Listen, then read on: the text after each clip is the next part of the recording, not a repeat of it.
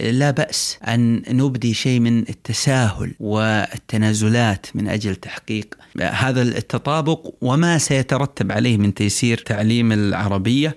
ولا يجب أن ننظر لكل شيء موروث على أنه مقدس ويجب ألا يختلف لأن هذه دعوة جاهلية في حقيقتها. العربية لغة حية ولا بأس من أن تستضيف أي كلمة والتعاطي الذي يحدث أو الحساسية المفرطة من مسألة مسألة دخول لفظ أعجمي إلى العربية هو على غير سنن العرب وما كانوا أجدادنا في عصور الفصاحة يتعاملون بهذه الحساسية ولن نكون أكبر حرصا على العربية منهم السؤال الذي يجب أن يطرأ الآن العربية الفصحى هل كانت ذات مستوى واحد؟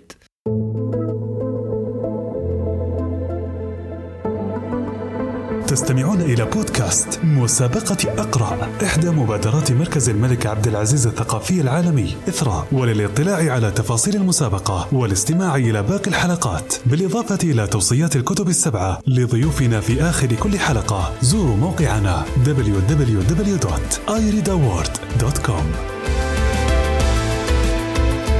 أنا سامي البطاطي من فريق أقرأ. وضيفنا في هذه الحلقة الدكتور محمد ابن علي العمري أستاذ اللغة العربية بجامعة الملك خالد في أبها. أهلا دكتور محمد سعيد بوجودك معنا. سلمك الله وبارك فيك وحياك الله. بما أننا سنتحدث عن اللغة فيبدو أننا سنكون ملزمين بالحديث باللغة العربية الفصحى. بالمناسبة يا دكتور اللغة المحكية التي تجري على ألسنتنا متى اختلفت؟ بمعنى أننا لن نجد مشكلة أمام اللغة المكتوبة لأنها استمرت على نفس القواعد ولكن اللغة المحكية متى بالضبط خرجت عن كونها فصيحة وتحررت إن صح التعبير من قيود العربية الأولى. هل خرجت حينما استحدثنا مفردات جديدة خارج الأوزان أو حينما خرجت عن قواعد النحو؟ أه على كل حال الله يحييك. هذه المسألة أه مسألة اللغة وما يطرأ عليها من تغييرات هي التغير نتيجة الاحتكاك.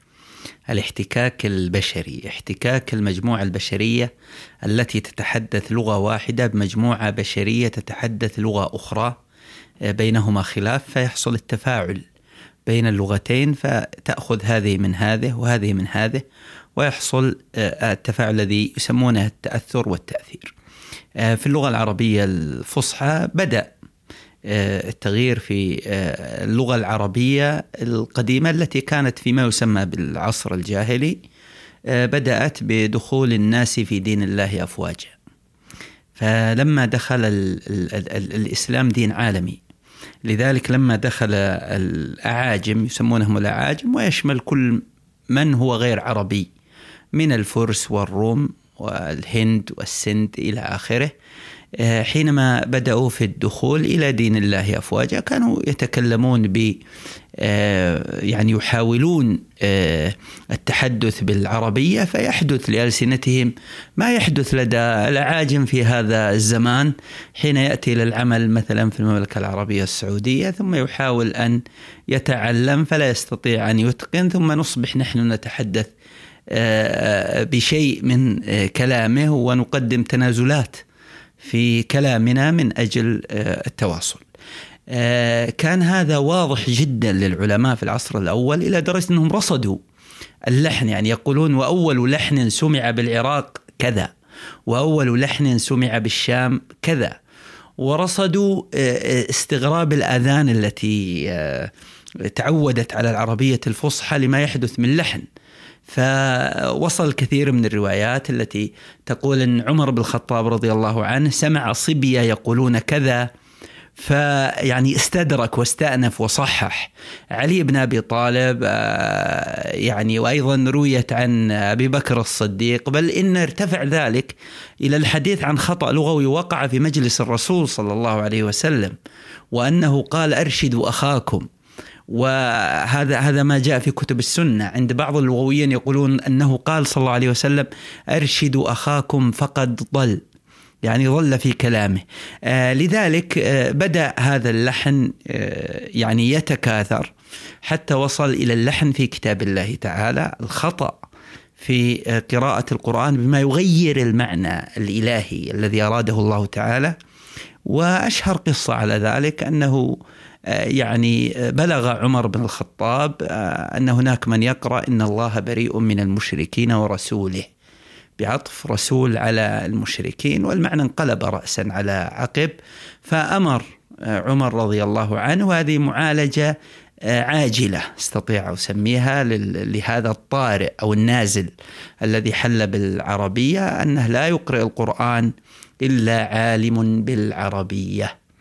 بعد ذلك حين تفشى اللحن كان سببا في حدوث تطوير الكتابة أساسا اللحن الذي طرأ كان سببا في تطوير النظام الكتابي العربي فبدأ النقط الأول النقط الأول الذي هو نقط التشكيل. لذلك بدأت الضمه والفتحه والكسرة على شكل نقاط لأن الحروف لم تكن منقوطة. ثم بعد ذلك حصل تطور آخر أنه آه، لابد من نقط الحروف المتشابهة في الرسم من أجل التفريق بينها. فحصل عندنا النقط الثاني وهو ما يسمى نقط الإعجام اللي هو التفريق بين الدال والذال والراء والزاي والسين والشين والصاد والضاد والطاء والضاء والعين والغين والفاء والقاف وهكذا الباء والتاء والثاء. فاجتمع عند العرب آه، نقطان نقط للإعجام ونقط للحركات. فمر بمرحلة أخرى أيضا من التطوير والتحديث وهو آه، التراجع عن كون الحركات آه، على شكل نقاط والتفكير في وضع رسم آخر. فوضع هذا الرسم الجميل الذي نحن عليه حتى الآن الذي نظر فيه آه، نظرة لغوية خالصة وهو أن الضمة واو صغيرة. فرسمت على شكل واو صغيرة وأن الألف فتحة طويلة. فالفتحة إذا ألف صغيرة أو قصيرة والياء كسرة وهكذا. آه، فهذا التغير بدأ مبكرا. لذلك آه، في منتصف القرن الأول يعني نقول أو بمنتصف القرن الثاني أو نقول نهاية القرن الثاني لأنه اختلفت رؤى اللغويين في ذلك. لكن أكثرهم توسعا قال بانتهاء القرن الثاني يعني نحن نتحدث عن سنة 199 هجرية. لم يعد هناك في حواضر العرب من يتكلم العربية الفصيحة سليقة. وإنما يتعلمها تعلما. هذا سنة 199 هجرية نهاية القرن الثاني. أكثر من ألف سنة. نعم. آه، في البوادي آه، بنهاية القرن آه، الرابع يعني يتحدث عن سنة 399 عند يعني أكثر الآراء توسعا. نهاية القرن الرابع لم يعد هناك لا في حواضر العرب ولا في بواديها. من يتكلم العربية سليقة وإنما يتعلمها تعلما. هذا يعني ان ان أنه أصبح لدى العربي آه، آه، لغة للحياة اليومية يسمعها ويتحدث بها أو مستوى من اللغة. ومستوى آخر يتعلمه تعلما كما نفعل اليوم. فهذه حقيقة ثابتة تاريخا وثابتة واقعا والدنيا لم تخرب على أيدينا نحن أهالي هذا الزمان وإنما هذه طبيعة اللغة أنها ذات مستويات. السؤال الذي يجب أن يطرأ الآن العربية الفصحى هل كانت ذات مستوى واحد؟ بمعنى هل كان على سبيل المثال أحد فصحاء قريش أو أو حسان بن ثابت رضي الله عنه في المدينة أو عمر بن الخطاب أو أي علي بن أبي طالب أو الرسول صلى الله عليه وسلم نفسه؟ آه، هل كان حديثة له مستويات؟ أم أنه يتحدث كلاما يحمل الصفات اللغوية والأدائية نفسها في جميع مواقف الحياة؟ طبعا العقل والمنطق والواقع يقول لا لأن مقامات الحياة تختلف ويكون الترخص والتسامح والتساهل اللغوي فيها على قدر آه، هذه هذه المقامات ماذا نقصد بالتساهل اللغوي الخروج عن قواعد النحو أو؟ آه، يعني على سبيل المثال حين نأخذ المقامات اللغوية التي آه، تحدث مثلا مقام الخطابة على المنبر حين يقف عمر بن الخطاب على المنبر حتى يخطب في المسلمين هذا مقام لغوي. وحين يتحدث مع زوجه أو ابنته أو ابنه في البيت هذا مقام آخر. لا يمكن أن تكون صفات أداء اللغة في المقامين آه، واحدة. لذلك تجد مقام الخطابة آه، يقتضي آه، يعني ما يمكن أن أسميه بالتحقيق. تحقيق الكلمات في مخارجها. في حين أن المقامات الأخرى مقام السوق أو مقام المنزل أو مقام مداعبة الأطفال يمكن أن ننزل عن هذا المستوى الذي هو مستوى التحقيق إلى المستوى الآخر الذي يمكن أن نسميه مستوى الحدر. وهو الإسراع في الكلام وخطف الحركات خطفا. ثم إن الأنماط التي وصلتنا في تلاوة القرآن الكريم في قراءة القرآن الكريم هي دليل قاطع على وجود هذه المستويات. لذلك نجد آه، علماء التجويد والقراءة يقولون هناك قراءة محققة مجودة كما يقرأ مثلا عبد الباسط عبد الصمد رحمه الله في قراءته المجودة بحيث أنه يعطي كل حرف حقه من المخارج ومن المد ومن إظهار الحركة. وهناك قراءة الحدر وبينهما قراءة التدوير. لذلك قراءة الحدر يسرع القارئ فيها إسراعا يصل إلى حد اختفاء الحركة عند شيخ قراء الحدر على الإطلاق آه، آه، أبو عمرو بن العلاء. رحمه الله وهو أحد القراء السبعة وهو شيخ القراء وشيخ النحاة. وقد آه، روي عنه سماعا منه ممن يصلي خلفه أنه كان يقول فتوبوا إلى بارئكم وهي بارئيكم فينطقها فتوبوا إلى بارئكم بحذف الحركة. وكان يقول في ينصركم ينصركم وفي يرزقكم المرفوعة يرزقكم وهذا ثابت. الخلاف فقط في من بعده. وهذا خلاف قائم بين النحاة والقراف. هذا دليل قطعي على يعني على على أنه يمكن أن تختفي الحركة مع الحدر والإسراع في الكلام في قراءة القرآن الكريم. وهذا هو نافذة واضحة جدا للإطلال منها على حديث الناس ومستويات الحديث عندهم. الخلاف الذي حدث بين طلاب أبي عمرو بن العلاء من القراء وبين طلابه من النحاة هل كان يسكن أم يختلس اختلاسا يشبه السكون؟ فهو فقط في المصطلح أما الذي فعله أبو عمرو بن العلاء فهو واحد. لذلك هذا التعدد في مستويات الأداء هو من مرونة اللغة ومن لوازم المجتمع. العجيب هو من يحاول أن يضخم هذه المسألة ويتحدث عن ازدواجية. ازدواجية على لسان المتحدث العربي. يعني هذا كلام يعني يتنافى مع طبيعة طبيعة اللغة أصلا. لكن أبا عمرو بن العلاء كان بعد النبي عليه الصلاة والسلام بكم سنة؟ يعني نحن نتحدث عن عن عنه رحمه الله هو عاش في القرن الثاني الهجري. أبو عمرو بن العلاء وهو من شيوخ سيبويه. يعني هو عاش في آخر القرن الأول وبداية القرن الثاني وهو من الفصحاء في نفسه. يعني هو فصيح في نفسه. وهو من كبار العلماء الذين أخذوا القراءة بالتواتر.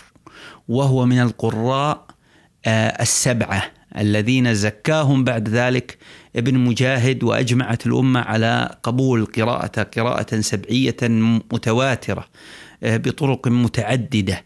وهو آه، صاحب لغة اهتم باللغة بل وصاحب رحلة في بلاد العرب للاستماع إليهم. فهو ثقة من أي جهة استقبلته رحمه الله ورضي عنه. والتسكين قديم على هذا. نعم التسكين قديم على هذا. وبالأمر الثاني الأمر الثاني أن التسكين ليس منه.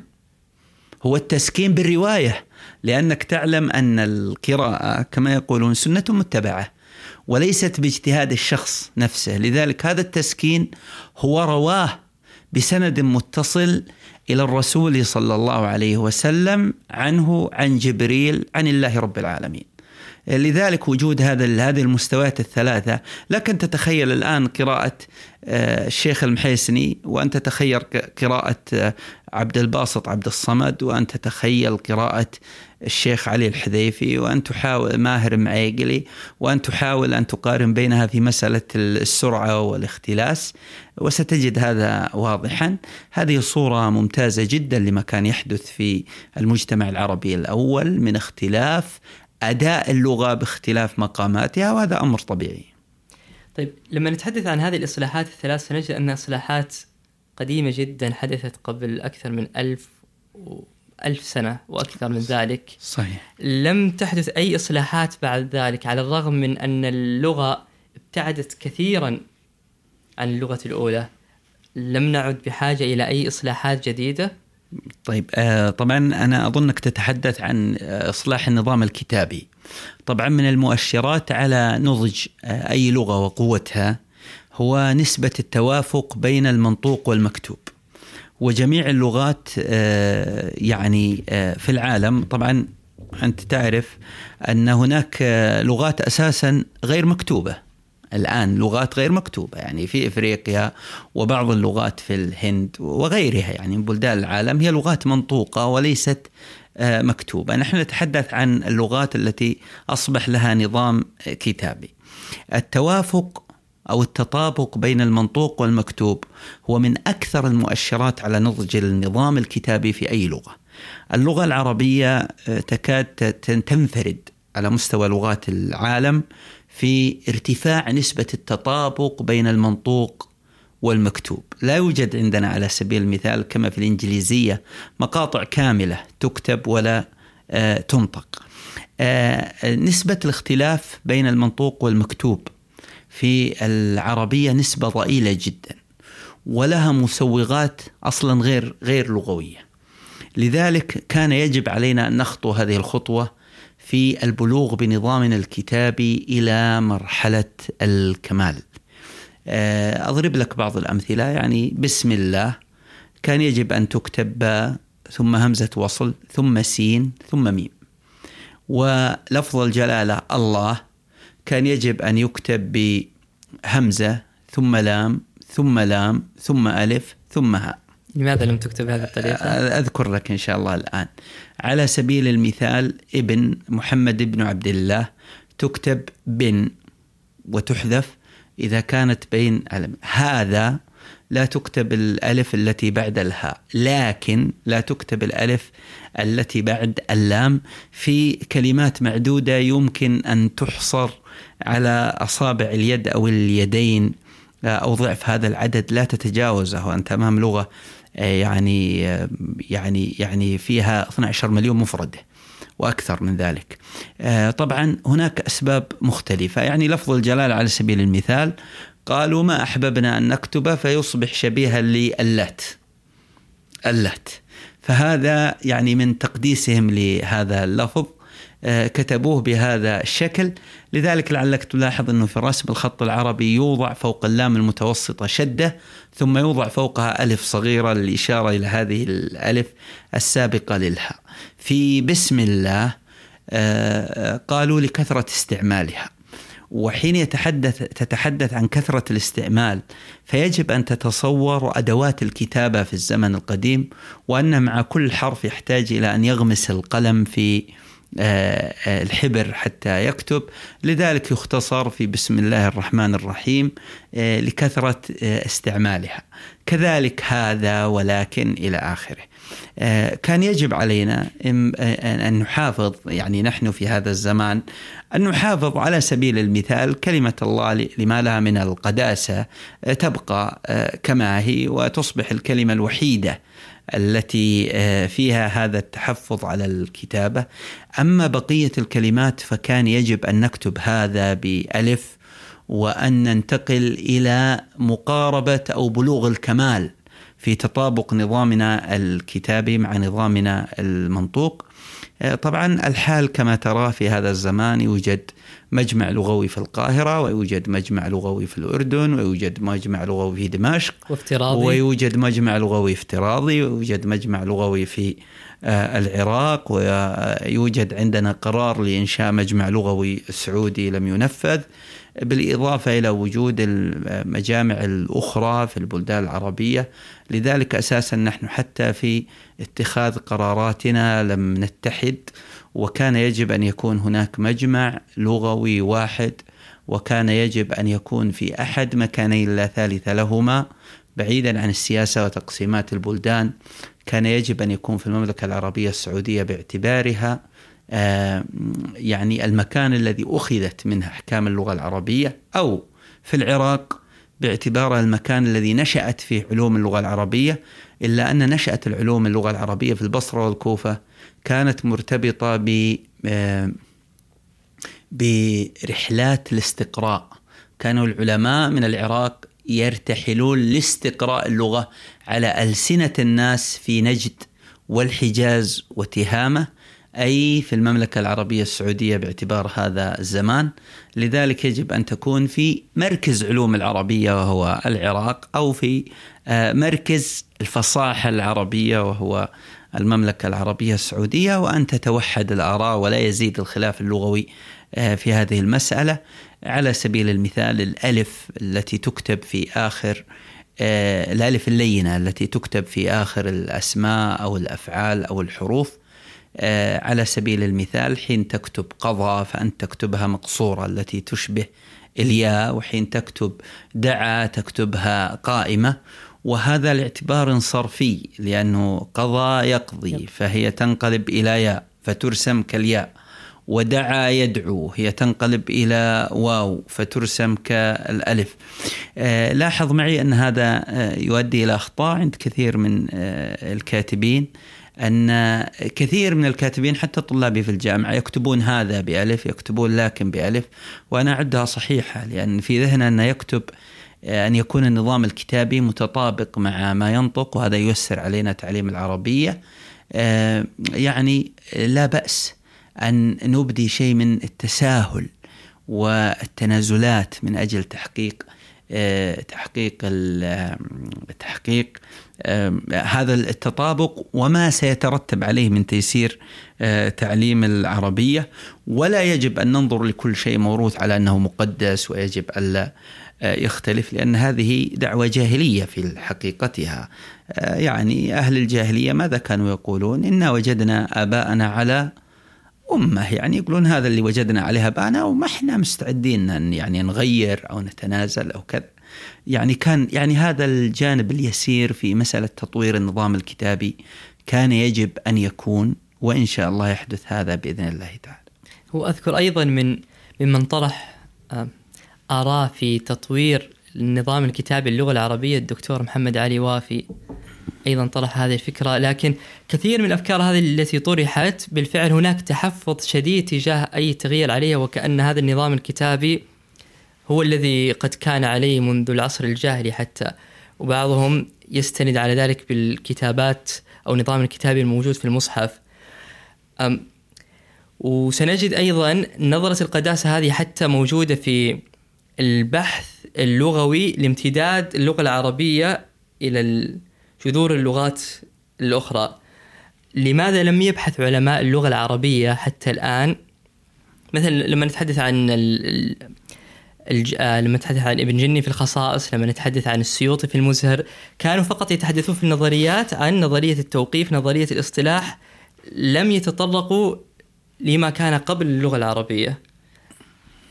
طيب آه على كل حال بالنسبة لنظرة القداسة آه يعني هناك من يتصور أن بمحافظته على الحال كما هي عليه أنه يحسن إلى العربية. ولكن الواقع يقول أن علماء العربية الكبار من الجيل الأول كانوا أصحاب مرونة فكر مرن في التعامل مع هذا بدليل الإصلاحات التي حدثت. على سبيل المثال وضع النقاط على الحروف يعني حتى تتضح آه، آه، الفرق بين الحروف المتشابهة. هناك تيار صادمه وظل يكتب دون نقد. ظل يكتب دون نقط ويعد أن هذه مقدرة لغوية عالية أن أقرأ الخطاب وليس فيه نقطة واحدة وأن أكتب الكتاب وليس فيه نقطة واحدة. لا بأس لكن إحنا ننظر على مستوى آه، العام مستوى عامة الناس وتعليمهم هذا النظام. ما في شك أن استحداث النقاط كانت خطوة عظيمة جدا. آه، بالإضافة يعني من دلائل المرونة في هذا أن هناك رسم للمصحف غير الرسم المعمول به يعني الرسم العثماني هو مختلف. عن الرسم الإملائي. وعندنا رسم ثالث اللي هو الرسم العروضي. لذلك هو كان عندهم مرونة في العروض ما عندهم مشكلة أنك تكتب غدا غين دال نون. هكذا آه، يكتب. عليه مو بالواو. عليه مو بالواو إلى آخره. لذلك يعني بالعكس المؤسسة العربية لو بنينا على فكر الدراسات اللغوية أو المدرسة اللغوية العربية لوجدنا هذه المرونة حاضرة. بالنسبة لما أشرت إليه في مسألة آه، آه، مسألة عدم الحديث عن ما قبل اللغة العربية طبعا هم تحدثوا عن أصل اللغات صحيح وطرحوا النظريات المختلفة فيها ولكن لم يتحدثوا عن اللغات السابقة للعربية صحيح. لم يتحدثوا عن اللغات المزامنة للعربية صحيح في ذلك الزمان. وإنما تحدثوا عن مظاهر الاحتكاك بين اللغة العربية وغيرها. ذلك وجدناهم تحدثوا عن المعرب وعن الدخيل الذي دخل على اللغة العربية. طبعا لا يوجد شك أن هناك نظرة آه، يعني تزكية للغة العربية عن بقية لغات الدنيا وقد صرحوا بذلك. وابن جني على سبيل المثال في آه، الخصائص قد أفاض على اللغة العربية الكثير من يعني الصفات التي صرح فيها بأنه ليس هناك لغة على وجه الأرض ليس تساويها بل تدانيها أو تقاربها أو تستحق الموازنة بينها وبينها. واستأنس في ذلك بشيخة أبي علي الفارسي اللي كان يتحدث الفارسية أيضا وذكر أن الفارسي ما كان يقبل أن يقارن شيء من العربية بالفارسية وأنه كان يرى الغضب في وجهه إذا آه، سئل آه، سؤال في هذا الاتجاه.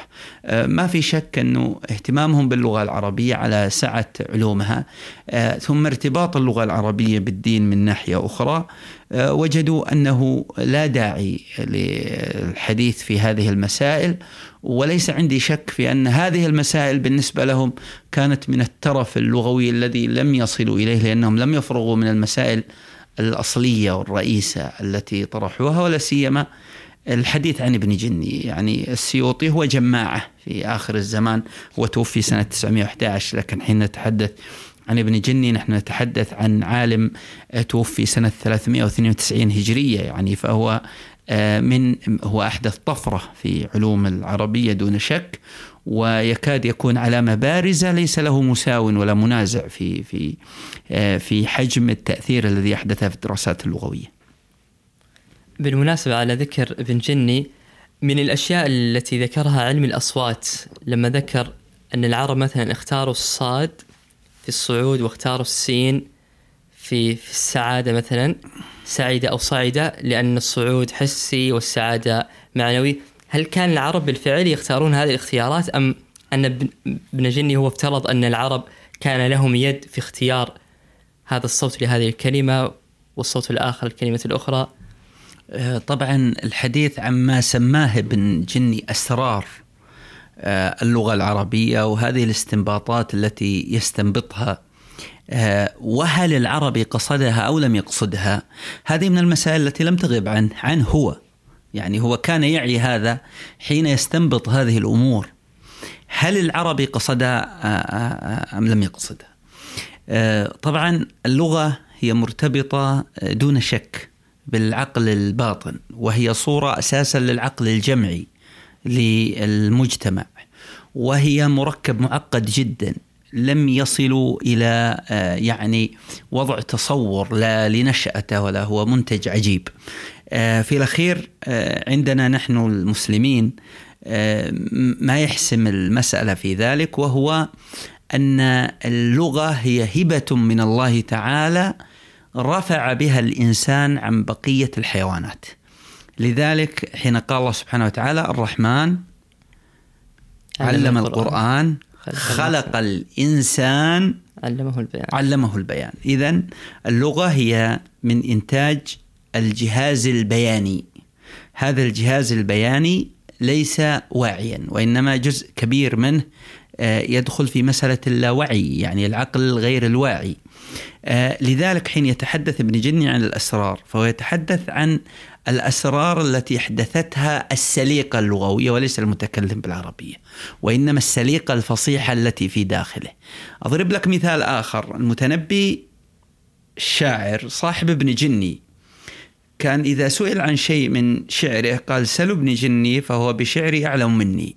يقصد المتنبي أن القريحة نحن هناك نتحدث في اللغة عن السليقة وفي الشعر نتحدث عن القريحة أن قريحة الشعرية تخرج هذا المنتج الذي هو القصيدة أو المقطوعة أو البيت من الشعر له سمات معينة لو تأملها المتنبي لما استطاع أن يستنبط من قوله ما استنبطه ابن جني من هذا القول باعتباره مفكر وباحث ومحلل لغوي. لذلك يعني هو كان يسميها وجوه الحكمة. يعني أن في هذه العربية حكمة حكمة مرتبطة بتفضيل الله تعالى لها. هو كان يرى أن فضل اللغة العربية على غيرها من اللغات هي مساوية مساواة ذرية بفضل القرآن الكريم على غيره من الكتب السماوية الذي وصفه الله سبحانه وتعالى بأنه مهيمن على ما سبقه من الكتب. اللغة العربية مهيمنة. على ما سبقها من اللغات وهي النسبة نفسها في فضل الرسول صلى الله عليه وسلم عن بقية الأنبياء والناس آه، عموما لأنه الرسول صلى الله عليه وسلم والقرآن آه، والعربية هي اختيار الله سبحانه وتعالى للدين الخاتم آه، لكل الأديان. فابن جني كان يتعامل مع اللغة العربية بهذا المستوى أنها لغة فيها سر وفيها حكمة إلهية ولكن هذه الحكمة لم تكن من صنع العربي, العربي صنعه الواعي وإنما هي من الأسرار التي أودعها الله سبحانه وتعالى فيه فخلقت في داخله الإعجاز اللغوي الذي ارتقى إلى درجة أن يتحدى الله على جلال قدره جل وعلا أن يتحدى هؤلاء العرب في هذا البناء اللغوي. فليأتوا بمثله فليأتوا بسورة من مثله فليأتوا بعشر سور مفتريات من مثله إلى آخره. لذلك نعم هذه الدراسات اللغوية لم يعقلها آه، العربي المباحث والأسرار ووجوه الحكمة كما تحدث عنها ابن جني ولكنها آه، حقيقية. هل كان ابن جني يعي هذه الفكرة؟ نعم. لذلك عقد باب في الخصائص هل قصدت العرب ما ندعيه عليها؟ يعني بهذا العنوان. ما ندعيه عليها. وحاول أن يبرز مجموعة من القصص الذي التي تثبت ذلك. على سبيل المثال حفيد جرير بن عطية الخطفة الشاعر المشهور رووا عنه أنه كان يتحدث في السوق. فقال فلان لغوب. وصلته كتابي فلم يقرأها. لم يقل وصله كتابي فلم يقرأه قال وصلته كتابي فلم يقرأه قالوا أتقول وصلته كتابي؟ قال أليس الكتاب بصحيفة؟ يعني وصلته صحيفتي فلم يقرأها فكان ابن جني يستدل على ذلك. قال وهذا هو عين ما نسميه الحمل على المعنى. أنه تعامل مع الكتاب بمعناه أنه في الحقيقة صحيفة كتب آه، عليها. آه، طبعا هناك كثير من الأمور التي يعني يذكرون عن الفرزدق على سبيل المثال وهو عربي صاحب قريحة صاحب سليقة لا يعي من النحو شيء ولا الصرف. أنه يعني قيل لها أنت تقول عن بيت أجدادك الذي طالما افتخر به وكابر به قال بيت دعائمه أعز وأطول. إن الذي سمك السماء بنى لنا بيتا دعائمه أعز وأطول. فسئل أعز من ماذا وأطول من ماذا؟ فأخذ يتأمل. ثم سمع المؤذن يقول الله أكبر قال هي مثل هذه. آه. قوله هي مثل هذه هو معنى أن أفعل هنا ليست أفعل التفضيل التي تكون بين طرفين. فنقول فلان أجمل من فلان أو آه، فلان أقوى من فلان أو أعلم أو أقصر أو أطول وإنما الله أكبر أفعل هنا لمطلق الصفة يعني هو الأكبر. ويريد أن يقول أن بيته وبيت أبائه وأجداده هو الأعز والأطول فهي لمطلق الوصف لا للتفضيل. فقد كانوا يشعرون بكثير من آه، من هذه الأمور. هذه نقطة. النقطة الثانية أن ابن جني لو آه، لو لو طرح مثالا واحدا لقلنا هذه صدفة ولكن حين يطرح الأمثلة الكثيرة آه، ثم تجد أن هذا ينتظم في اللغة فإلى درجة تجعلك تؤمن بأن ما لم تعرف يجب أن تحمله على ما عرفت لأن هذا الذي ذهب إليه يجب أن يكون آه، متصلا. هذه نظرة ابن جني وللأسف ابن جني بدأ خطوات كثيرة في علوم اللغة العربية لم تكتمل حتى اليوم. يعني من 392 هجرية مات رحمه الله لم تكتمل الخطوات ولم يأتي بعد دراسة ابن جني في الخصائص وغيرها ما يخطو بها خطوة واحدة إلى آه، آه، الأمام وهو مشروع عظيم يجب أن يعاد النظر فيه. كان ابن جني يرى بنظرية التوقيف أو الاصطلاح. ابن جني كان محتارا بين النظريتين. يعني هو كان آه، يعني يقول بالتوقيف ثم يتردد وقد تحدث عن حيرته وتردده بين التوقيف والاصطلاح. للغة بشكل عام نعم. لا يتحدث عن عن, عن اللغة اللغة عموما. اللغة, اللغة باعتبارها ظاهرة إنسانية. م. نعم. آه، فهو كان متردد وقد شرح ذلك في آه، فصل طويل في كتاب الخصائص. وقد يأتي بعض الباحثين الآن فيتحدث عن سذاجة ابن جني في أو سذاجة تفكير ابن جني في بعض المواضع من هذا الكتاب في التقليعة التي آه، يعني اجتاحت الباحثين في التقليل من أقدار عظماء آه، اللغويين آه، في أمتنا إلا أنه كان متوقف بين الاصطلاح وبين التوقيف. جميل. مسألة نشأة اللغة لو أردنا أن ندرجها ضمن علم أكبر في اللغة ما هو هذا العلم؟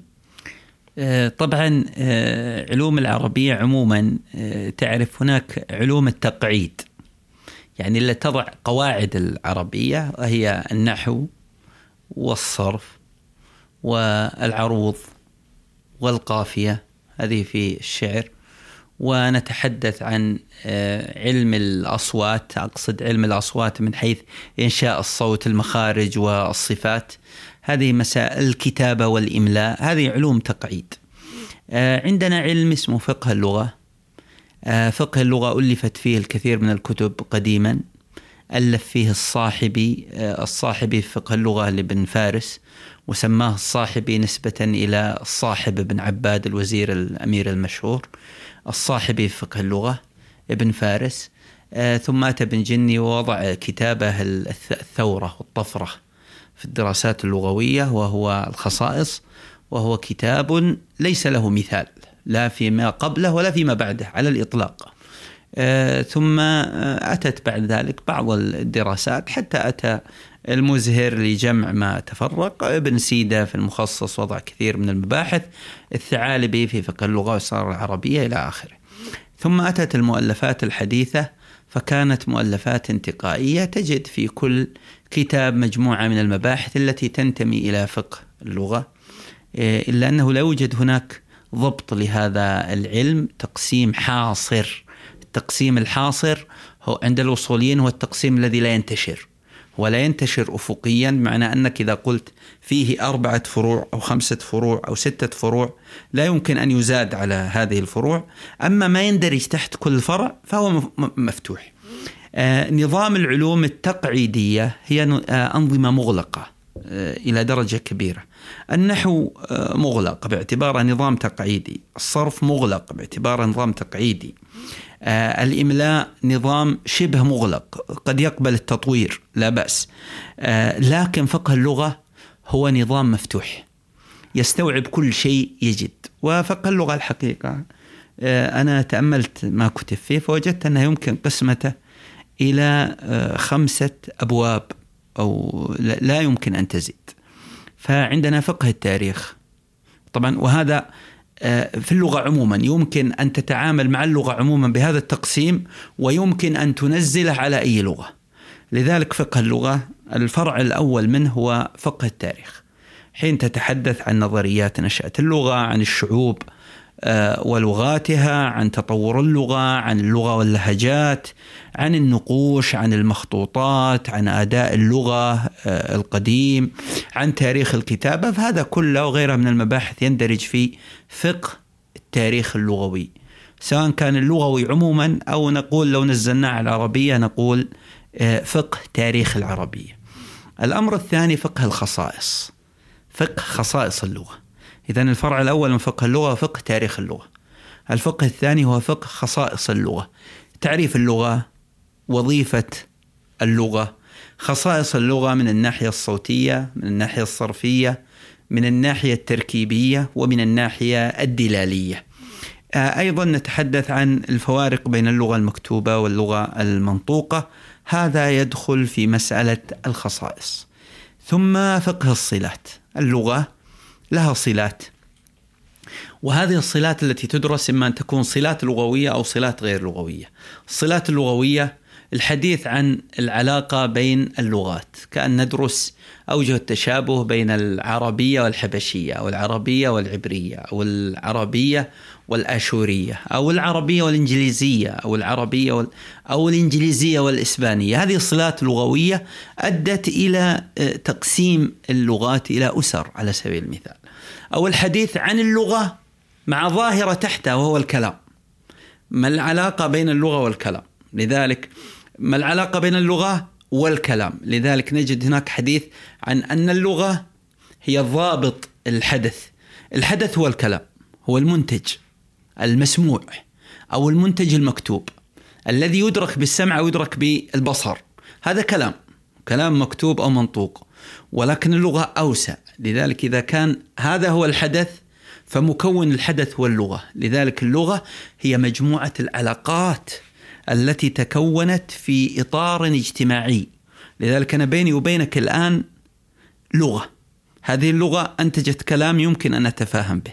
فأنا مرسل وأنت مستقبل وأنت مرسل وأنا مستقبل ولكننا نتفاهم بالكلام باعتباره وسيلة لإيصال ما أفرزته اللغة من معاني. لذلك الخواطر والهواجس التي تدور في داخلك وفي ذهنك هذه لغة ولكنها تتحول إلى كلام بعد ذلك. لذلك نحن نتحدث عن الصلات ما الصلة بين اللغة والكلام؟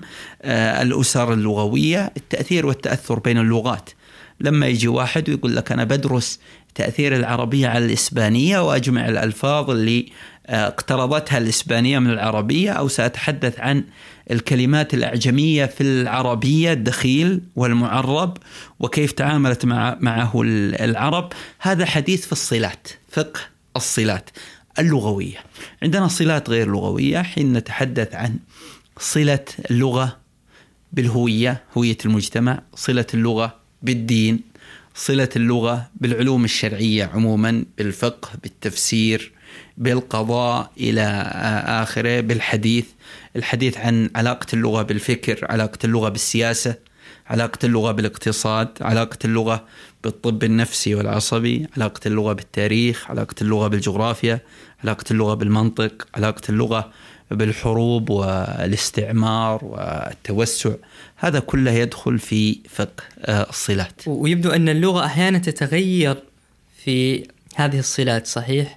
طبعا. حينما تتصل بغيرها من اللغات الأخرى كذلك حينما تتصل ببعضها نعم. بين المتكلمين تتأثر اللغة وتؤثر أيضا. صحيح. هذا كله يدخل في فقه الصلات. دراسة هذا ما يترتب على هذه الصلات من الاحتكاك اللغوي يمكن أن يدخل تحت فرع من فروع فقه اللغة وهو فقه الصلات. ثم عندنا بعد ذلك فقه النوازل. إذا نتحدث عن فقه تاريخ اللغة فقه خصائص اللغة فقه الصلات وفقه النوازل. والمراد بالنوازل هو الأمور التي تطرأ على اللغة فيحتاج أهل تلك اللغة ولا سيما العلماء إلى اتخاذ مواقف تجاه تلك النوازل الطارئة. على سبيل هذا المصطلح مصطلح شرعي أكثر من نعم لذلك في فقه نوازل وهذا فقه لغة هناك فقه شرعي وعندنا نوازل لغوية كما أن هناك نوازل في المعاملات تؤثر على معاملات الناس وعلى عقودهم. آه، إلى آه، آه، آخره. يعني على سبيل المثال نتحدث عن عقود تجارية يقوم فيها تراضي بين طرفين في سوق. هذا هو المعتاد في التعامل التجاري. نحن نتحدث الآن عن متاجر إلكترونية. المتجر الإلكتروني بالنسبة للفقيه هو نازلة. يجب أن تأخذ أحكام معينة. حين نتحدث عن مزاد إلكتروني حين نتحدث عن حراج إلكتروني فهذه من النوازل التي تحتاج إلى أن تدرس وتقرر الأحكام آه، الشرعية فيها. آه، لذلك أيضا عندنا نوازل لغوية، يعني وضع نظام كتابي للغة رسوم كتابية للغة هذه من النوازل التي حدثت.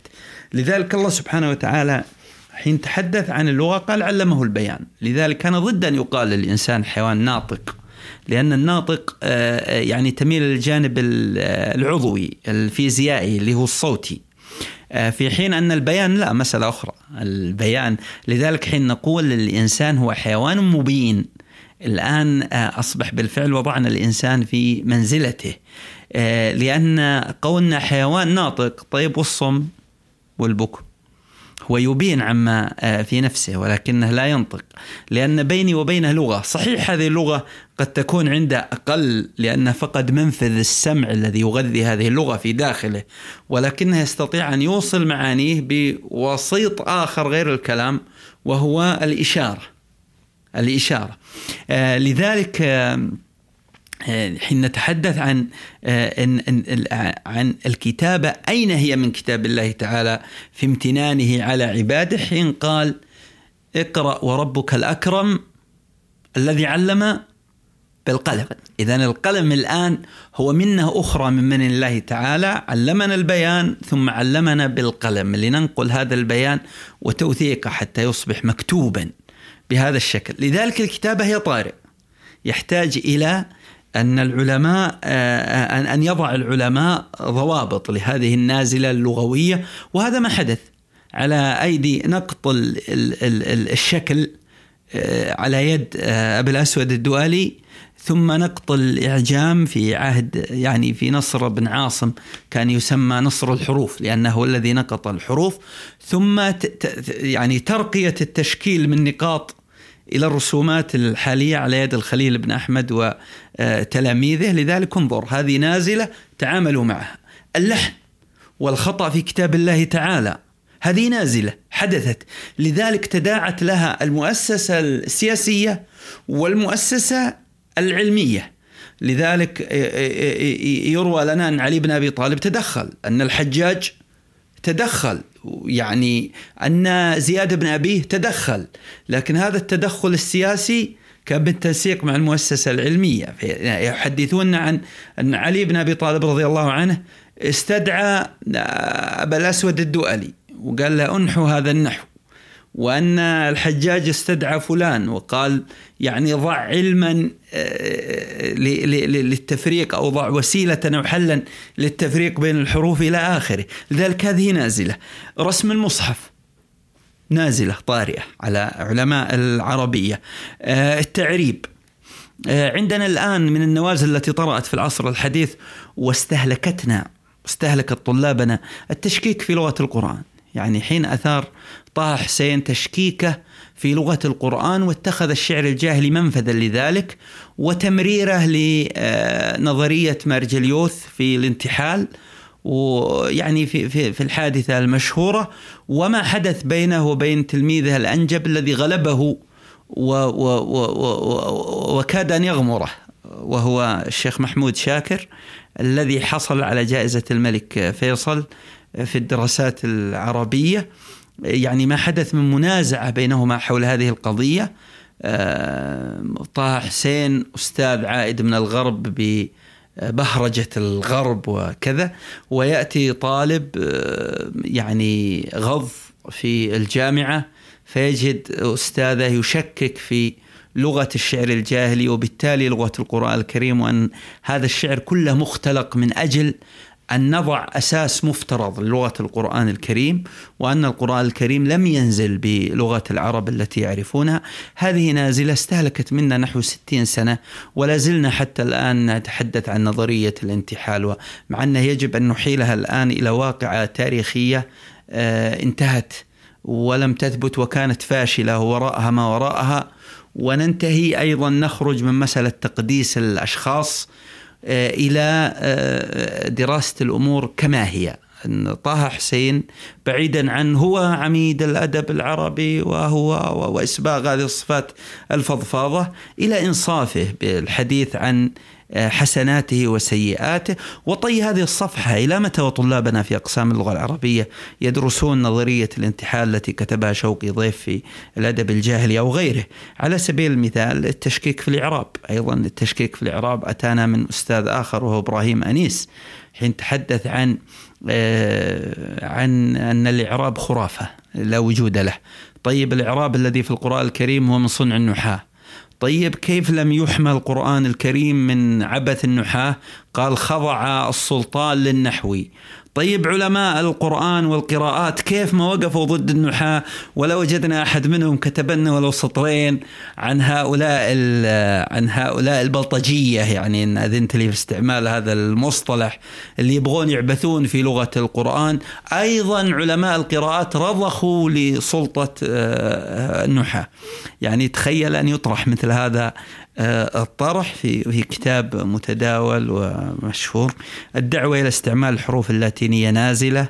آه، الدعوة إلى العامية نازلة. آه، دراسات اتصالنا بالدراسات اللغوية الغربية من النوازل التي حدثت أنه صار عندنا طلاب يبتعثون للدراسة في الغرب. بعدين يعجبه منهج غربي في الدراسة فيأخذه ويرجع يبغى يطبقه على العربية. وبعدين صار عندنا مئة واحد كل واحد طبق ما تعلمه هناك عن طريق الترجمة فأصبح لدينا فوضى في المصطلحات وأصبح لدينا آه، يعني انعكست على أنه معجب بالدراسة الغربية بدأ يحتقر الدراسات العربية أو يغض منها ولم يكن عندنا فقه للتعاطي مع الدراسات اللغوية في اللغات الأخرى ومراعاة الفوارق بين العربية وغيرها عند الأخذ منها والتنسيق العلمي أيضا في مسائل الترجمة حتى لا تتفرع المصطلحات وهي في الأخير اسم لشيء واحد. فأنتجت أيضا آه، يعني ملأت آه، هامشا كبيرا أو جاءت بهامش كبير من الفوضى في دراساتنا اللغوية. كانت تحتاج إلى تنسيق وفقه. العولمة على سبيل المثال من النوازل. التي حدثت. العولمة في أحد وجوهها هي عولمة آه، لغوية. لذلك الأمم القوية عسكريا واقتصاديا هي تفرض لغتها على الشعوب المغلوبة. آه، لذلك نجد آه، اللغة العربية في يوم من الأيام كانت تتعلم لا سيما في أوروبا أيام زهو الدولة الأندلسية الإسلامية هناك. كانوا يتعلمون العربية بل الروايات التاريخية تثبت أنهم كانوا يكتبون على العملة النقدية الأجنبية بالعربية من أجل التبادل الاقتصادي بينهم وبين آه، العرب وقد ذكر هذا في تاريخ العرب آه، يعني عند كثير من الباحثين وهذه من الأمور المقررة تاريخيا يعني من الحقائق التاريخية. الآن نجد الغلبة أصبحت للغة الإنجليزية بحكم آه، السلطة العسكرية والقوة الاقتصادية للدول المتحدثة بهذا. فالعولمة من النوازل التي تحتاج نظر آه، لغوي. فهذا كله نسميه فقه النوازل. أصبح عندنا فقه التاريخ وفقه الخصائص وفقه الصلات وفقه النوازل. هذا يحتاج إلى أيضا الباحث في العربية أن يتعلم فقه مناهج البحث اللغوي. يعني كيف أبحث في هذا في في في المباحث اللغوية.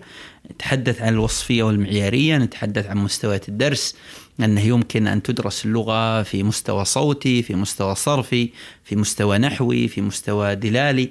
هل اللغة وصفية فقط بمعنى أن الدراسة البحث اللغوي هل هو وصفي فقط؟ أم أنه يمكن أن يكون معياري يضع معيار؟ وهذه قضية أيضا حصل فيها لغط وخلط كبير وجدال مع أن الأمور لو أنها خضعت للفقه لارتحنا من كثير من آه، الخلاف والكتابات. عندنا المنهج الوصفي والمنهج آه، التاريخي والمنهج المقارن في التعاطي مع اللغة. فمباحث فقه اللغة آه، إن شاء الله في هذا الطرح الذي أطرحه اليوم للمرة الأولى من خلالكم يمكن أن يكون جامعا مانعا. يعني الجميع مباحث فقه اللغة يمكن أن تندرج تحت هذه الفروع الخمسة المعاجم ومبحث الفوائد الظنية والقطعية يدخل ضمن أي فرع؟ طبعا المعاجم يدخل في الخصائص الدلالية يعني في فقه الخصائص. لأننا حين نتحدث عن الدلالة سنتحدث عن دلالة آه، دلالة الحرف اللي هو الصوت دلالة الصوت ودلالة البنية اللي هي الدلالة الصرفية. كالفرق بين عالم وعلام وعليم. هو الفرق في فاعل وفعال وفعيل. ما الفرق بينها؟ وعندنا الدلالة المعجمية اللي هي دلالة الكلمة آه، المفردة. فهذه دلالة معجمية آه، لهذه الكلمة تدخل في الخصائص الدلالية. ثم عندنا الدلالة التركيبية اللي هي دلالة الجملة كاملة وما يترتب عليها. طبعا الدلالة المعجمية ستقودنا إلى الحديث عن حين ننزلها على اللغة العربية. سنتحدث عن آه، قضية صناعة المعجم من أجل ضبط هذه الدلالات إلى آخره لأن الهدف هو ضبط معاني الكلمات. ضبط معاني الكلمات آه، سار العرب فيها على آلية في صناعة المعجم حسب المدارس المختلفة. هل العربية تقبل دخول أي مفردات جديدة عليها؟ العربية لغة حية ولا بأس من أن تستضيف أي كلمة. والتعاطي الذي يحدث أو الحساسية المفرطة من مسألة آه، آه، مسألة دخول لفظ أعجمي إلى العربية هو على غير سنن العرب وما كانوا أجدادنا في عصور الفصاحة يتعاملون آه، بهذه الحساسية ولن نكون أكبر حرصا على العربية منهم. لذلك يعني على سبيل المثال ثارت في الفترة السابقة الحديث عن سناب شات وأنه المفروض يكون فيه مصطلح آه، مقابل يستعمل في أكثر من مفردة دائما يبحثون عن آه، نعم. وفي السابق يعني حين يقال بدل ما نتحدث عن التلفاز نقول الرائي وبدل ما نقول الراديو نقول المذياع وبدل ما نقول الفاكس نقول الناسوخ أو الإيميل نقول المرسال. والواتساب هناك ما نقترح أن نسميه الوثاب آه، بهذا. والحقيقة أن العرب لم تكن تتعامل بهذا ولم يكن من من من من عمل العربية الأول انه إذا أراد أن يستعمل لغة كلمة من لغة أخرى لا وجود لمقابل لها في لغته أن يبحث عن دلالتها ثم يبحث عن مقابل عربي الأصل لها وإنما كان يستعمل الكلمة نفسها. حتى لو كانت على غير وزنها لا لا يستعمل الكلمة نفسها ثم يخضعها لسلطان لغته. يخضعها لسلطان لغته من ناحيتين من الناحية الصوتية اللي هو مسألة نظام العربية في تجاور الأصوات اللي يسمونها هندسة الأصوات. على سبيل المثال العربي لا, لا, لا ينطق الدال وبعدها زاي في نهاية الكلمة. لذلك لما سمع مهندس حولها إلى مهندس بالسين. لذلك هو يخضعها لسلطانه من الناحية الصوتية ومن ناحية البنية أيضا من ناحية البنية الصرفية. يخضعها أيضا لسلطانه فيخضعها لسلطانه اللغوي الصوتي والصرفي. على سبيل المثال حين كان يسمع استفرة حولها إلى استبرق. يعني هو ما أراد أن يختمها بهذه الهاء الضائعة التي التي يعني كما قال ابن جني قال الهاء حرف كالهواء. يعني ضعيف جدا. فحولها إلى هذه القاف الحرف القوي المقلقل والاستاف حولها إلى باء استبرق بهذا الشكل. هذا التحويل الذي فعله العربي بلسانه لهذه الكلمة وربطها بالدلالة نفسها بالدلالة نفسها هذه الكلمة أصبحت عربية. لذلك الخلاف الدارج هل في القرآن ألفاظ أعجمية أو ليس فيها ألفاظ أعجمية هو خلاف صوري ينقص الفقه لا غير. لذلك الذي قال فيه أعجمي هو يقصد فيه ألفاظ أعجمية الأصل. وليس أعجمية الآن أعجمية الحال الراهن. والذي قال ليس في القرآن كلمة أعجمية ويقصد ليس فيه كلمة أعجمية باعتبار نطقها الآن على لسان العربي لأن العربي بنطقه لها قد أصبحت عربية لأنه حمل اللفظ الجديد هذا المعنى. لذلك لا يوجد عندنا فارسي يقول استبرق إنما يقول استفرة لا لا بس. هذه الفارسية وقد استعارتها العربية لأن لم يكن هذا من صنعهم من صنع العرب. سنده سندس. آه، قماش أخضر العرب ما كانوا أهل صناعة. لما آه، دخل أسواقهم سموه بهذا الاسم. طيب.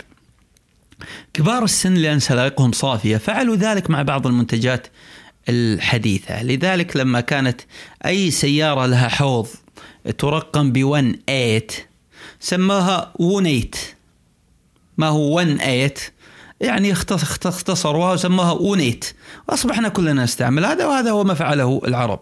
لذلك motors يعني عندنا في جنوب المملكة العربية السعودية يقولون ماطور ماطور السيارة. ماطور زي ساطور. انتهينا.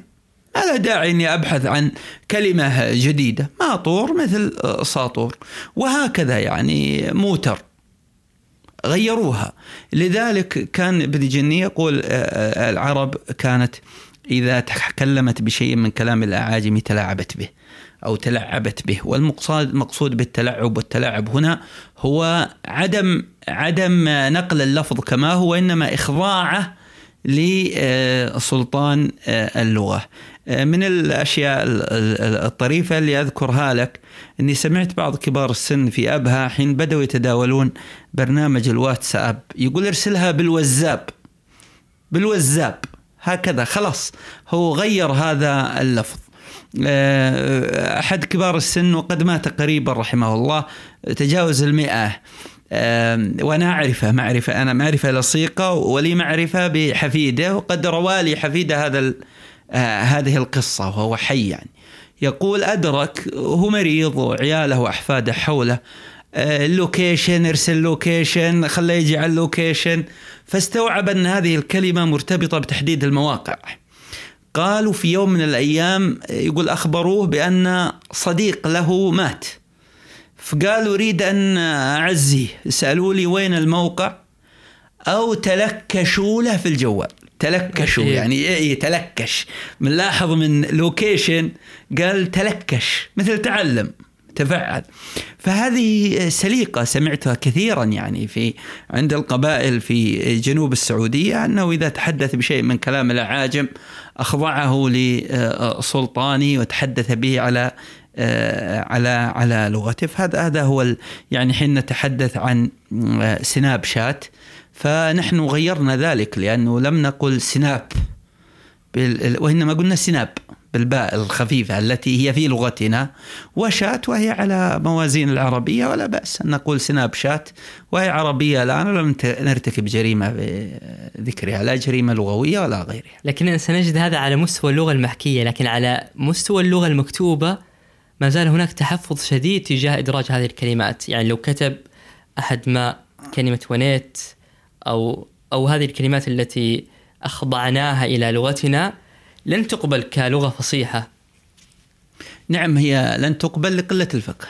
لذلك هو تحرير الفقه الفقه المستند ليس إلى عواطف لأنه أحيانا الرضوخ لسلطان العاطفة آه، في العلم مشكلة. وإنما إذا تعاملنا ببحث علمي واضح عندنا المعرب والدخيل في العربية وهذا باب من أبواب البحث العلمي وكيف تعامل العرب الفصحاء مع ما آه، استضافت لغتهم من الألفاظ الأعجمية. ونتحدث بذلك بعيدا عن التعصب المقيت. لأن كثير من الناس يعني يسيء إلى الدين ويسيء إلى اللغة بل ربما يسيء إلى الوطن بل ربما يسيء إلى نفسه تحت سلطان التعصب العاطفي. التعصب العاطفي مشكلة والتعصب العاطفي هو الذي أهلك الأقدمين لأنهم تعاطفوا مع أبائهم وأجدادهم فأصروا على آه، محاربة الدين الإسلامي باعتباره شيء جديد. آه، لذلك أنا أرى كثير من التعصب والرضوخ للعاطفة آه، في التعاطي مع مسائل الدين والتعاطي مع مسائل اللغة إلى آخره. لكن حين ينشأ إن شاء الله جيل يحتكم إلى العلم سنجد بالعكس أي كلمة جديدة. يعني كوني أكتب في قصيدة إذا كان عندي قصيدة قافيتها على الزاي وجبت تلفاز فتلفاز عربية فصيحة ليس فيها أي إشكال. وإذا اختلفنا فنحتكم ليس إلى العاطفة وإنما نحتكم إلى آه، الدليل والبحث العلمي. أنا أعي آه، وجود هذه الحساسية المفرطة وبعضهم يتصور آه، أنه حين يقدس كل قديم أنه قد أحسن فهو لا يريد يعني بل أنه ربما يقدس تصوره للعربية الفصحى الذي في ذهنه ولا يريد أن يتنازل عنها أو أن يصحح التصور نفسه. وأنا تحدثت في قبل هذا اللقاء تحدثت عن المصيبة الكبرى التي اجتاحت اللي هي من النوازل أيضا اللي هي الأفلام اللي الأفلام التاريخية اللي يحاولون يحاكون فيها الأداء العربي الفصيح فيتشدقون ويتفيهقون ويعني في في في أدائهم للعربية الفصحى حتى شوهت يعني وأصبحت مجال للسخريه في آه، سواء في الدراما أو في غيرها يعني من المسلسلات. أقصد غير الدراما يعني الدراما التاريخية أو الكوميديا. على سبيل المثال كانت يعني مشوهة.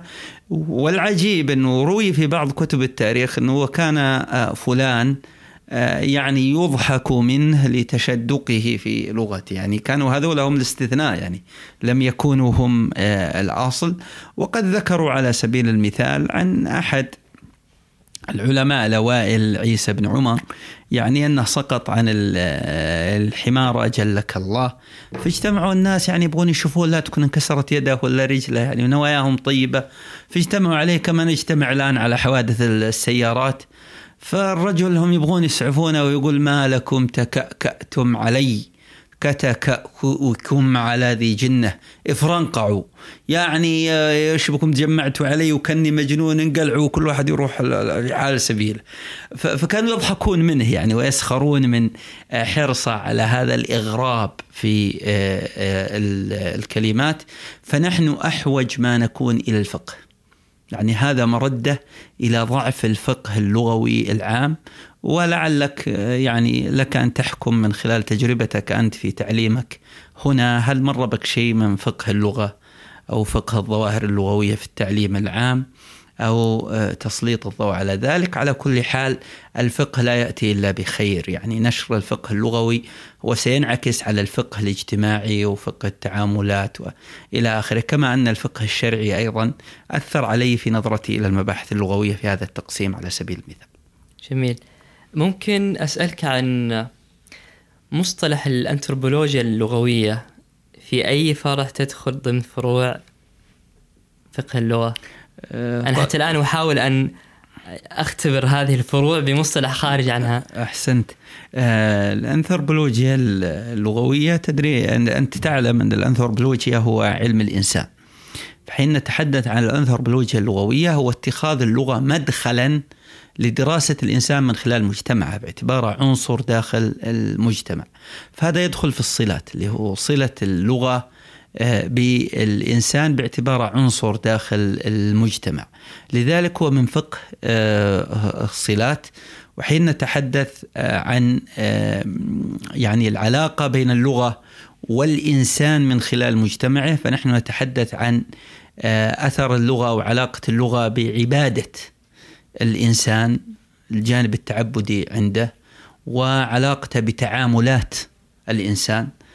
سواء التعاملات الآن بإمكانك تتحدث عن أثر اللغة في العقود التجارية، أثر اللغة في على سبيل المثال يعني أضرب لك مثال يعني مشروع الزواج يعني اللي هو الله سبحانه وتعالى سماه في القرآن الكريم ميثاقا غليظا يعني هو ميثاق عظيم تنبني عليه ينبني عليه المجتمع كله اللي هو مسألة الزواج.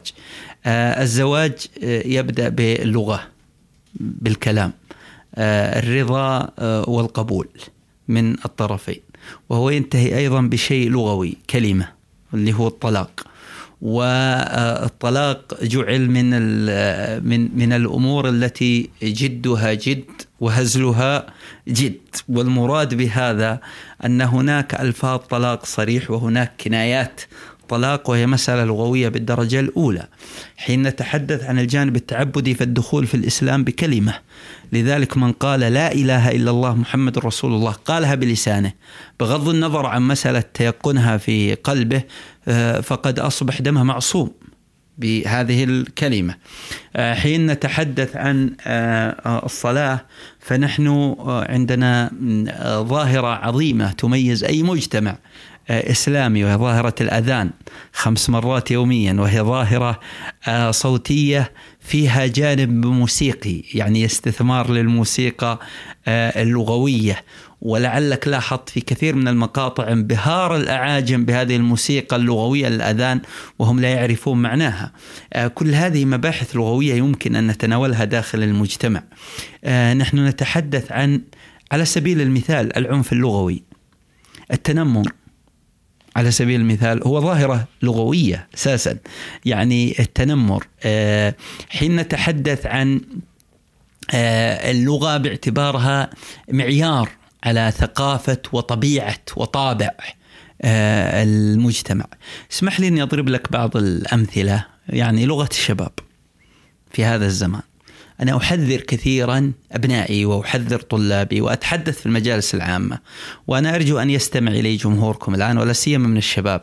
أن كثير من الشباب الآن آه، له آه، معجم خاص يتحدث به مع زملائه وأصدقائه فئه الشباب وهناك معجم آخر يتحدث به مع والديه مع أصدقائه وهذا ملاحظ لكنه لا يعي لنقص الفقه اللغوي لا يعي أن هذا المعجم يعني المعجم الأكثر استعمالا سيؤثر على الآخر، لذلك أنا دائما أوصي أبنائي بأن ينقوا معجمهم اللغوي في حياتهم مع الشباب الحقيقية حتى ينعكس هذا على نقاء وطهارة المعجم آه، آه، اللغوي في حياته كاملة.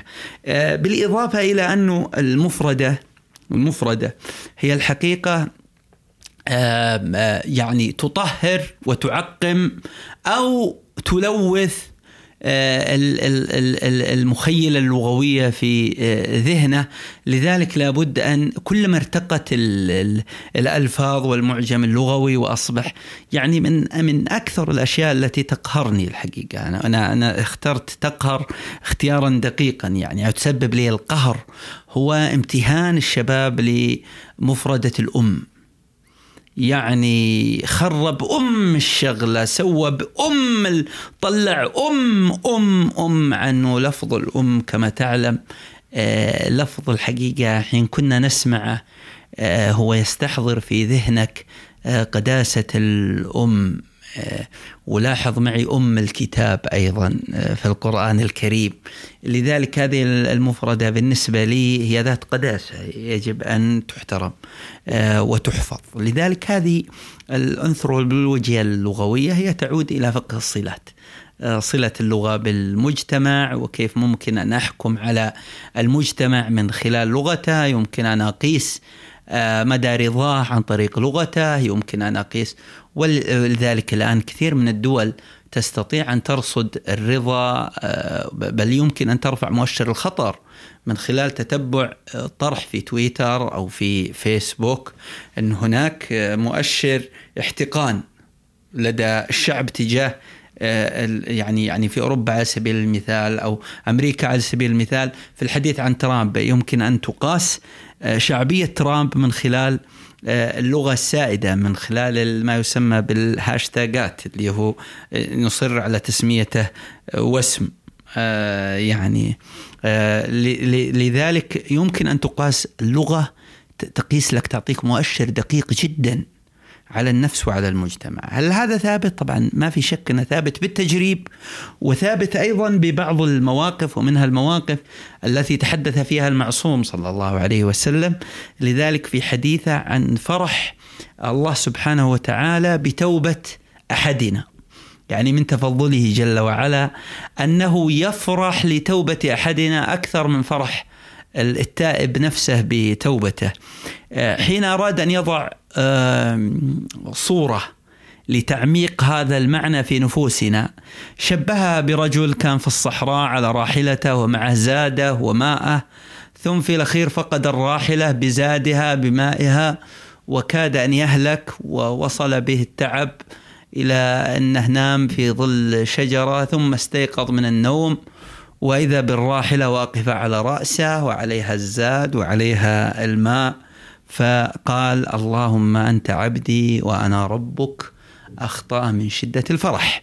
إذا آه، آه، آه، المرآة الأدق لتصوير الحالة النفسية هي اللغة. قال أخطأ من شدة الفرح. فجعل هذا الخطأ الكبير في نسبة العبودية إلى الله والألوهية إلى نفسه أن هذا الفرح طغى على نفسه فأخطأ في لغته. فلاحظ معي أنه جعل اللغة أمام العرب الأقحاح الذين يخاطبهم جعلها مقياسا لهذا الانفعال النفسي في داخله فعلم الأنثروبولوجيا كاملا يدخل في فقه الصلات. جميل. ويبدو حتى هذه الدلالات أيضا تؤثر على وعي الإنسان وعلى طريقة تفكيره. مثلا لما ذكرت نقطة آه، امتهان لفظة الأم هذا سينعكس أيضا ربما على نظرة الإنسان لأمه أحيانا يعني لن تكون بذات القداسة لما تغيرت دلالة الكلمة وامتهنت في مواضع أخرى صحيح؟ دون شك. أضرب لك مثال آخر. كثير من الشباب الآن هو غير متزوج. حين يريد أن يقسم على زملائه علي الطلاق ما علي الطلاق ما علي الطلاق. وتحصل عزابي أساسا لم يرتبط بعقد حتى يطلق أو يمسك. لذلك تجد كلمة الطلاق وتعود على ذكرها من هو عمره 15 سنة نقول إلى 25 سنة. وهذه الكلمة بالنسبة له كلمة آه، آه، ممتهنة وجارية على لسانه. لذلك بعد ما يتزوج ممكن يحدث خلاف بينه وبين زوجته آه، لأنه حلل السكر زايد السكر الشاهي زايد آه، ممكن يطلق. لذلك صار عندنا حالات طلاق لأتفه الأسباب. وهذه من التأثيرات التي لا يعيها المجتمع وهي حقيقية. وقد جربت أن أحذر طلابي من بعض الكلمات وتأثروا. آه، لأن اللغة تؤثر أساسا على العقل الباطن. لذلك من الثابت علميا أساسا أن تغيير السلوك يحتاج إلى كثرة الترديد. لكن للأسف الشديد أنه عندنا علمونا من صغار انه التكرار يعلم الحمار أجلك الله. مع أن التكرار طيب كيف يعلم الحمار؟ والله سبحانه وتعالى يطلب مننا نقول سبحان الله سبحان الله سبحان الله. ونجلس نكررها. لماذا هذا التكرار له انعكاسات على العقل الباطن الذي يحكم سلوكياتنا وتصرفاتنا وتعاملنا مع الناس؟ آه، لذلك التكرار هو الذي يعدل السلوك. لابد من التكرار حتى تعدل آه، السلوك. هذا التكرار اللغوي هو يؤثر دون شك على التصرفات والسلوكيات. لذلك أنا أحذر الشباب من أيضا امتهان كلمة الطلاق كلمة الطلاق يجب أن تكون من الكلمات المحذورة التي يخاف من نطقها. من نطقها أساسا. لذلك لا يعني لا يلجأ إليها إلا في حالة متأخرة آه، جدا. فهذا يؤكد ما ذهبت إليه من مسألة آه، تأثير امتهان الكلمة على التصورات الذهنية. على نفس السياق أتذكر لماكس مولر النظرية الطبيعية. لما تحدث وهذه ودي أسألك فيها لما تحدث آه، عن وصف الك... وصف الطبيعة بأوصاف الكائنات الحية فلما نقول النهر يجري وأن هذا أثر على نظرتنا للطبيعة ومن هنا ظهرت عبادة الأوثان مثلا لأنه أصبح يتعامل مع هذا الوثن باعتباره كائنا حيا لما أصبغه بالأوصاف التي يطلقها على الكائنات الحية هل هذه أيضا تدخل من ضمنها؟ نعم تدخل ضمن آه، فقه الصلات وأنا أربط هذه الفكرة طبعا مولر له تقسيم ل تقسيم للأسر اللغوية مشهور. آه، لكن أنا أنقلك أيضا إلى آية في القرآن الكريم. حين تحدث الله سبحانه وتعالى عن الأصنام والمعبودات الوثنية قال إن هي إلا أسماء. آه. سميتموها أنتم وآباؤكم ما أنزل الله بها من سلطان. لذلك هي في الأخير هي أسماء وأنتم سميتموها.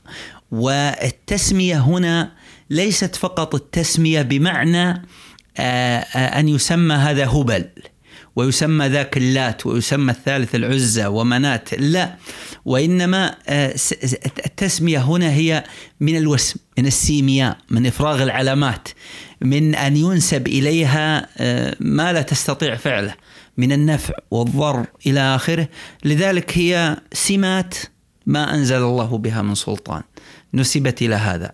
فاللغة آه، في الأخير هي وعاء الفكر وهي وعاء السلوك. بل إن هناك مدارس كاملة ترى أن اللغة سلوك أساسا. اللغة كاملة هي هي في حقيقتها اللغة كاملة هي سلوك. يعني ينظر إليها آه، كأي سلوك إنساني آه، آخر. وتعالج في هذا الإطار أنها سلوك من آه، لكن الحقيقة كما قلت لك أن اللغة تنتسب إلى جهاز أنا أسميه أنا الجهاز البياني يعني أن الإنسان يتميز عن غيره بوجود جهاز بياني.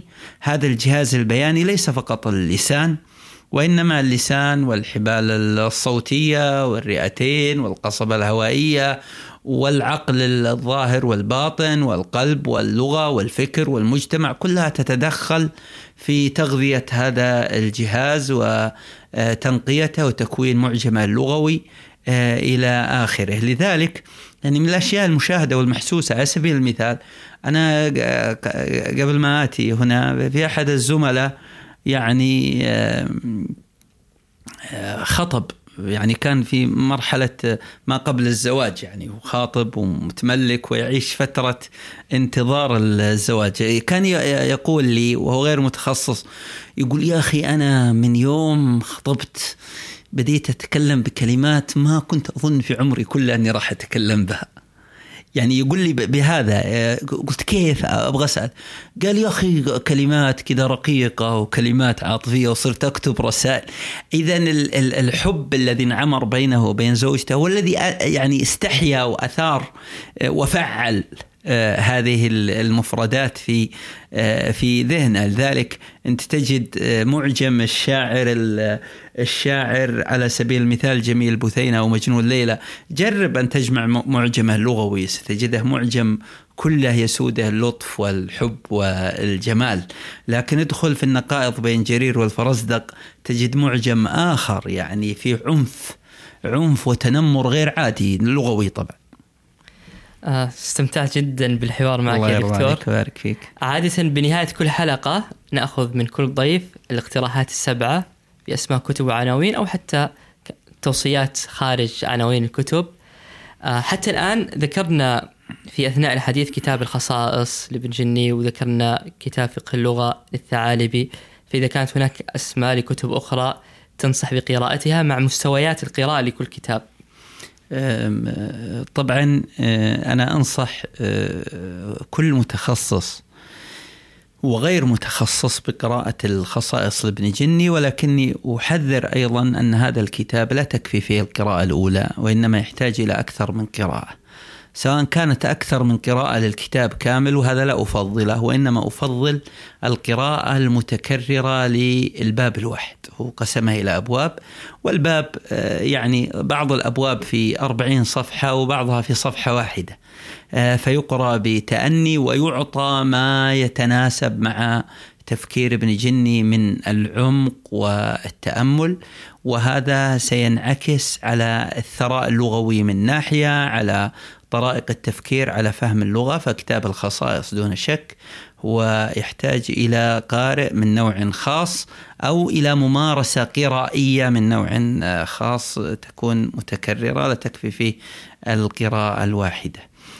طبعا أنا سأقسم مقترحات السبعة إلى كتب وإلى بعض الأفكار لعل يسمعني يعني من يستطيع ويملك القرار فيطبق شيء من هذه الأفكار التي آمنت بها بعد يعني 22 سنة من تدريس اللغة العربية في ثلاث جامعات أو أربع. لكن نستمر في الكتب أنا أوصي بقراءة الخصائص أوصي بقراءة كتاب الاتجاهات الوطنية في الأدب المعاصر لمحمد محمد حسين. واسمح لي إني أتحدث عن عن شيء من هذا الكتاب. طبعا هو يرصد آه، يرصد يعني الظواهر التي سادت الوطن ويقصد بالوطن هنا مصر. آه، يعني في فترة من فترة التحولات التي حصلت ولكنه يدرسها من خلال ما ينشر في الصحافة في ذلك الوقت. من يقرأ هذا الكتاب يعني يتيقن أو يلاحظ أن نعيش التجربة نفسها في المملكة العربية السعودية آه، بعد نحو مئة سنة آه، مما حدث في مصر. فالحديث عن لبس الطربوش العثماني الأحمر هذا اللي له كذا أو الحديث عن الكاب اللي له مظلة كذا فوق الوجه يعني وصل إلى المحاكم في ذلك الوقت. يعني عندهم نعم الحديث فلاحظ معي الحديث عن اللبس. عندهم. هل ألبس الزي العثماني ولا ألبس اللبس الجديد؟ يعني يسمونه الموديرن يعني الحديث كذا. وصل إلى هناك الحديث عن الحجاب الحديث عن الموسيقى الحديث النزاعات التي حدثت في المجتمع حول التحولات التي مر بها المجتمع المصري. وصفها في هذا الكتاب وصفا آه، دقيقا لاحظ من خلال منتج لغوي اللي هو المنتج الصحفي. المنتج الصحفي ورصدها رصدا آه، يعني دقيقا. لذلك أنا أنصح بدراسة بقراءته لأخذ العبرة ومعرفة يعني أن التحولات في المجتمعات تحدث شيء من الخلاف لا يجوز أن يخرج عن آه، حد هذا الكتاب الثاني. الكتاب الثالث الدكتور نبيل علي الثقافة العربية وعصر المعلومات. الحقيقة هذا الكتاب هو من الكتب التي تؤسس لفكرة ناضجة عن صلة الثقافة العربية بعصر آه، المعلومات وكيف يمكن أن آه، ننظر إليها. لذلك على سبيل المثال آه، من يقرأ هذا الكتاب على سبيل المثال سيجد مثلا أن ما يسمى عندنا الفلكلور الشعبي يعني الأداء الحركي سواء في المنطقة الشرقية في المنطقة الجنوبية في المنطقة الغربية الوسطى الشمالية. آه، سيبدأ ينظر إليه نظرة أخرى وهو نظرة ثقافية باعتبارها مؤشر ثقافي. آه، يدخل في آه، ثقافة فن الأداء الحركي. وليست المسألة يعني بهذه النظرة السطحية التي ينظر إليها وكيف يمكن أن نستثمر هذا باعتباره ثقافة وتراث ثقافي. يمكن أن يستثمر لذلك أنا لا أنسى على سبيل المثال أنه معالي سفير المملكة العربية السعودية علي بن عواض عسيري في باكستان وفي لبنان. حين كان في باكستان وحين زار الملك عبد الله بن عبد العزيز الله يغفر له جمهورية باكستان الشقيقة يعني كان يعي علي آل عواض السفير كان يعي ما سيحدثه نقل هذا الفلكلور الشعبي إلى باكستان إلى مدن باكستان. آه، فاستأذن في نقل الفرق الشعبية إلى باكستان وأداء هذه الفنون هناك في استقبال الملك عبد الله في آه، إسلام آباد. وحدثني عن الانبهار انبهار المجتمع الباكستاني بهذا الفن الراقي يعني يعتبرونه فن عظيم ومشاركتهم فيه ومحاولة تقليده ومحاكاته وما أحدثه من من من من تحليلات ودراسات في الإعلام الباكستاني. آه، سواء المقروء أو المسموع أو المكتوب إلى آخره. لذلك هذا الكتاب يعني آه، يؤسس لنظرة متوازنة وحقيقية وواقعية للثقافة العربية في عصر المعلومات. آه، طبعا في كتاب رسالة في الطريق إلى ثقافتنا آه، شاكر. لمحمود شاكر وهذا آه، يعني لو كان بيدي من الأمر شيء لا قررته على جميع الطلاب في الجامعات من أجل فهم أن أنه لم يكن بيننا وبين الغرب الذي سبقنا. وأنا أتحدث هنا عن الغرب باعتباره منافس. نحن نتنافس في نحن نتعايش ولكن نتنافس أيضا في في رعاية مصالحنا وأنه كان بيننا وبينهم خطوة في مسائل التطور التقني وكذا. ما الذي حدث يعني؟ حتى أصبحنا نستورد آه، كل شيء. آه، هو يؤسس لكيف كانت الخطوات متقاربة جدا ثم انطلقوا وتخلفنا آه، وكيف يمكن أن نستأنف هذا ونصبح ننافس الأمم الأخرى في قيادة العالم التي كانت لنا من قبل؟ والتي نحن أهل لأن آه، على الأقل نسهم فيها أو يكون لنا أثر واضح آه، بحيث نسمى قطب ولا نسمى دول العالم الثالث. وحين يتحدث عن أمريكا باعتبارها قطب حين يتحدث عن الصين باعتبارها قطب. الآن نتحدث عن روسيا باعتبارها قطب نتحدث عن الهند باعتبارها قطب اليابان. لماذا لا نكون أيضا نحن آه، قطبا في التأثير العالمي ونحن نملك كل المؤهلات؟ الحقيقة هذه الدراسة آه، تؤسس لفكر جميل في هذا الاتجاه. اسمح لي أن أكتفي بهذا القدر من آه، الكتب وأنا أتحدث عن أفكار أخرى لعل هناك من يسمعها. أن علاج مشاكلنا لا لن أقول لغوية وإنما علاج كثير من المشاكل الفكرية عند أجيالنا. لا أتحدث عن الفكرية بالمصطلح القاصر لأنه كثير من الناس حين نقول المشكلات الفكرية يعني متطرف بيصير من داعش أو من القاعدة. لا لا عندنا مشكلة أخرى أنه عندنا أجيال لا تحسن أن تفكر أساسا ليس لديها منهج في التفكير. ولو كان لديها منهج في التفكير لما خرجت عن الجادة واستجابت للتطرف أو للانفلات الذي تفقد معه الشخصية والهوية. لذلك أنا أقول أن اللغة هي مدخل المهارات اللغوية هي مدخل لضبط مسائل التفكير لذلك يجب أن نعيد النظر في التعليم الأساسي اللي يسمى عندنا التعليم الابتدائي وتحويله من هذه المواد. يعني أنا عندي عيال في المرحلة الابتدائية يمكن ما يقدر يشيل الشنطة يعني أنا مضطر إذا وصلتها المدرسة أنزل له الشنطة لأن الشنطة فعليا أثقل منه يعني أثقل منه فعليا.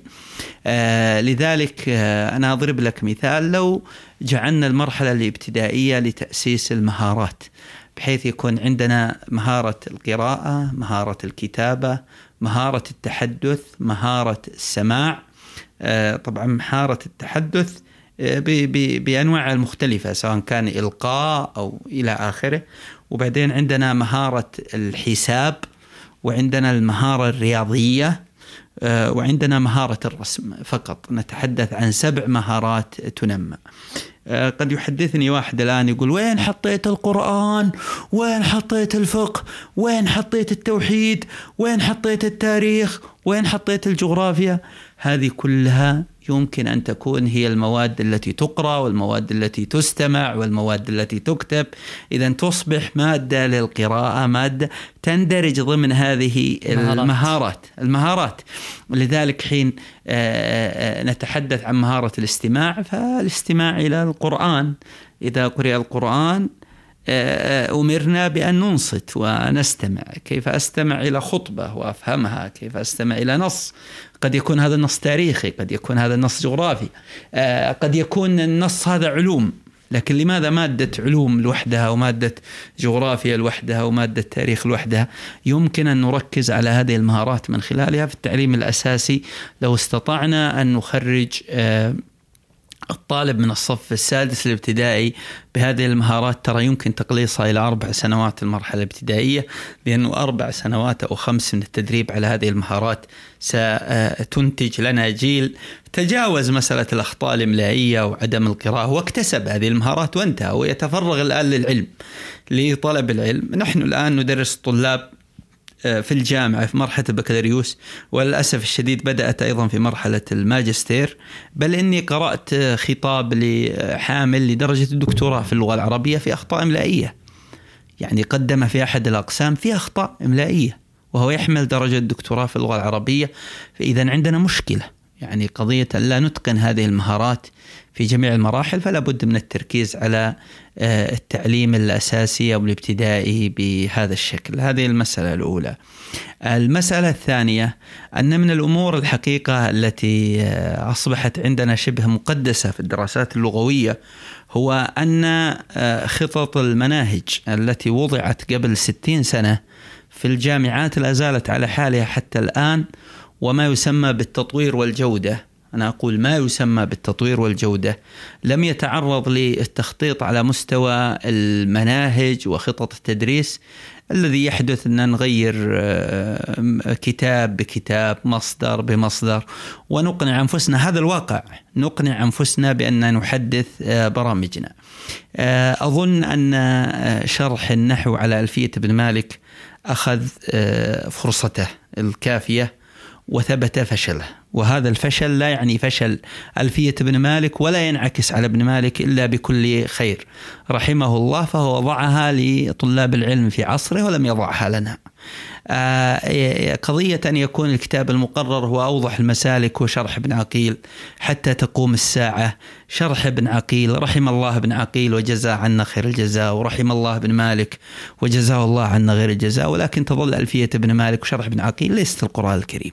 يعني نحن عندنا النص الوحيد الذي نحافظ عليه ونقدسه هو القرآن الكريم وصحيح السنة. أما غير ذلك فيمكن للجامعات أن تخرج من هذا النفق وأن نضع أن نقدم اللغة العربية بكتب جديدة وبطرائق أخرى ونفهمها وإذا أنتجنا جيل فاهم فسيقرأ ألفية ابن مالك ويفهمها ويقرأ شرح ابن عقيل ويفهمها. المشكلة أن تمسكنا بشرح ابن عقيل وألفية ابن مالك في جميع الجامعات وأنتجنا خرجنا جيل لا يفهم لا ألفية ابن مالك ولا شرح ابن عقيل ونحن نكذب على أنفسنا.